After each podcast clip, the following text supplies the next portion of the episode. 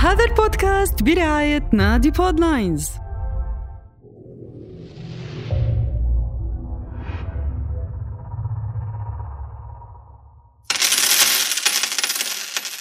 كنت أعمل في تجارة المال صراف كما يقولون. وكان الناس يظن أنني أملك الكثير. وفي الحقيقة فلقد مرت بي أيام لم أكن أملك فيها إلا القليل. إلى أن خطرت لي فكرة. سأقصها عليكم أنا عمر الزغلول في هذا البودكاست بقلم مازن مسلماني وبرعاية نادي بود لاينز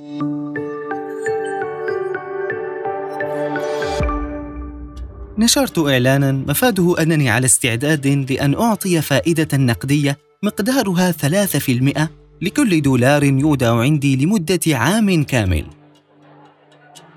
حينئذ كانت الأعمال التجارية راكدة، وفعلا أتى إلي مئة مودع كل منهم أودع عندي دولارا واحدة، على أن يسترده بنهاية العام دولارا وثلاث سنتات. إذا الأمور تمشي على ما يرام، فلقد صار عندي مئة دولار.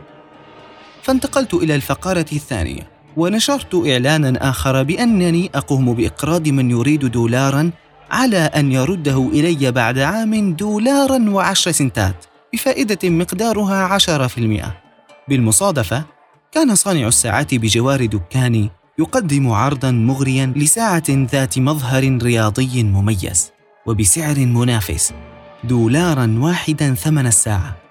كانت ساعات جميلة فعلا. فما كان إلا أن توافد إلي مئة شاب كل يريد اقتراض دولار ليشتري ساعة اليد تلك.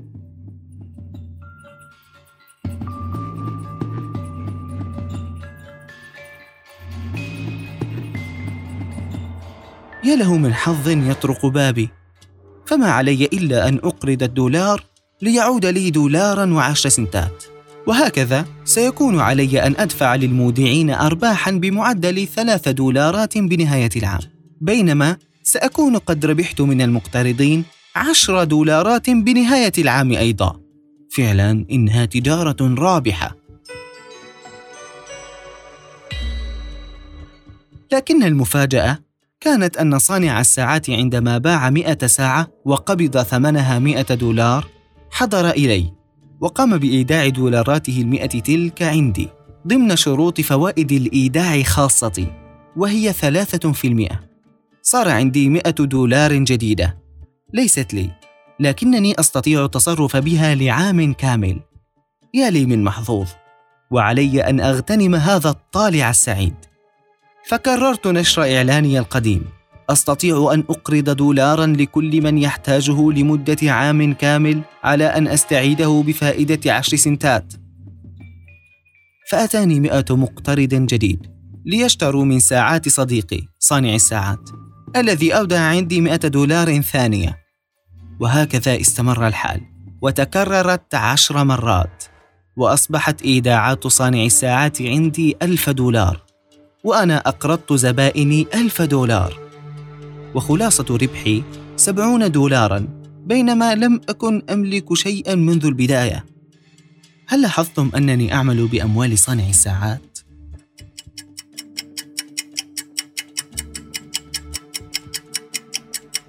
لم تنتهي القصة وإليكم ما حصل.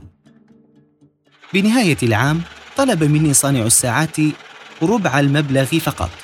وقال أنه ليس بحاجة إليه كاملة وفضل أن يودعه عندي للعام التالي بفائدة. تلك التي اشترطتها عليه ثلاثة في المئة. هنا أتتني فكرة أخرى. اقترحت عليه طريقة عملية تغنيه عن استلام المال من زبائنه وإيداعه عندي بنهاية كل يوم مرة أخرى. الفكرة كانت أنه يمكن لأي زبون يرغب في شراء ساعة أن يقدم له إيصالا مختوما بخاتمي. يفيد بأنه قد أودع عندي دولارا لصالح صانع الساعات.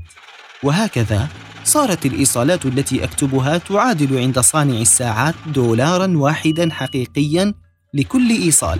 في النهاية تكدس المال لدي وتكدست الإيصالات عنده لدرجة أنه إذا ما لزمه أن يشتري طعام كان يقدم للمطعم أحد الإيصالات لديه وكأنه يدفع دولارا. ويقبل صاحب المطعم بذلك. فهو يمكنه أن يحضر إلي ويقدم الإيصال ليعطيه دولارا حقيقية تطورت الفكرة عندما قويت الثقة بمصداقية إيصالاتي. فكان إذا ما أراد أحدهم أن يقترض مني مالا أعطيه إيصالا بدل الدولار. كل إيصال مني هو بمثابة دين على عاتق المقترض. سيسدده لي دولارا وعشر سنتات حقيقية بنهاية العام. انتشرت هذه الطريقة في كل المدينة. صانع الساعات ومصنع السيارات وشركة الإنشاءات وغيرها.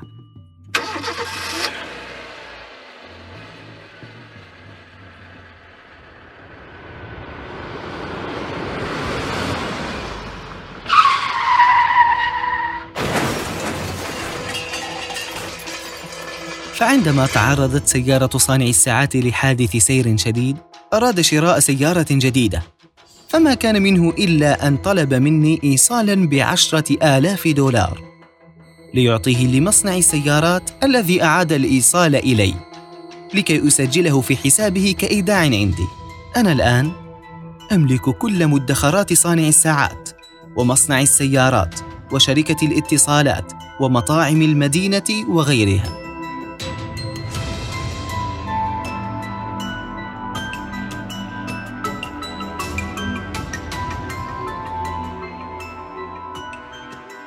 تلك الطريقة هي ذاتها مبدأ عمل البنوك وآلية تدفق المال فيها الربا بعينه فالإيصالات هي الشيكات. تحولت في الثلاثين سنة الأخيرة إلى بيانات رقمية ترسل عبر الحاسب أو الهاتف الجوال.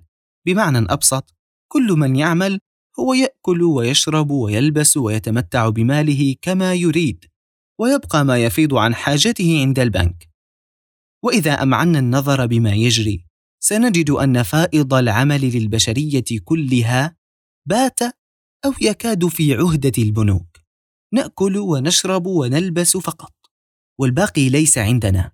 فإذا أردنا شراء منزل سنشتريه بالطبع لكنك ستدفع قيمته لمالكه القديم الذي سيودع المال في البنك بشكل أو بآخر. حتى المزارع الذي يزرع الأرض فتنبت قمحا. سيبيع محصوله ويشتري حاجياته ويودع ما تبقى لدى البنك.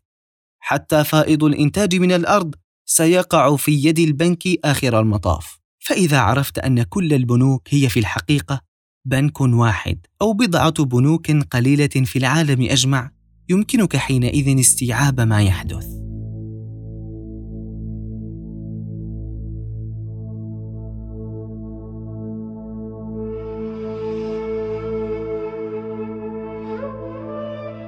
ما الذي دفعني إلى الخوض في ذلك ونحن في الشهر الفضيل؟ يقول تعالى في سورة البقرة قالوا إنما البيع مثل الربا وأحل الله البيع وحرم الربا.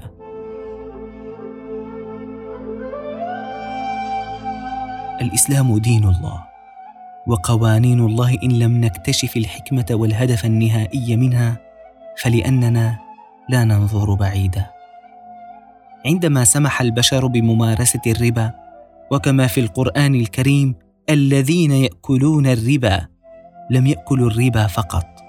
لقد أكلوا وابتلعوا جهد البشر ابتلاعا وصاروا المتحكم في حياتهم ومستقبلهم وأمنهم.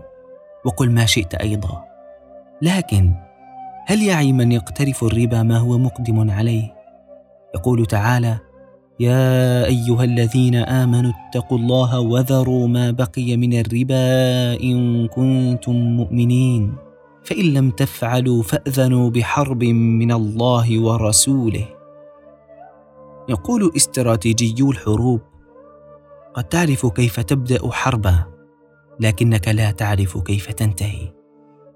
إن توعدك الله وأنذرك فتبت وتراجعت. فإن الله غفور رحيم. لكن حربا من الله لا تنتهي باستسلام الخاسر كما هي حروب البشر. فلقد كانت نهاية حرب عاد وثمود قاضية.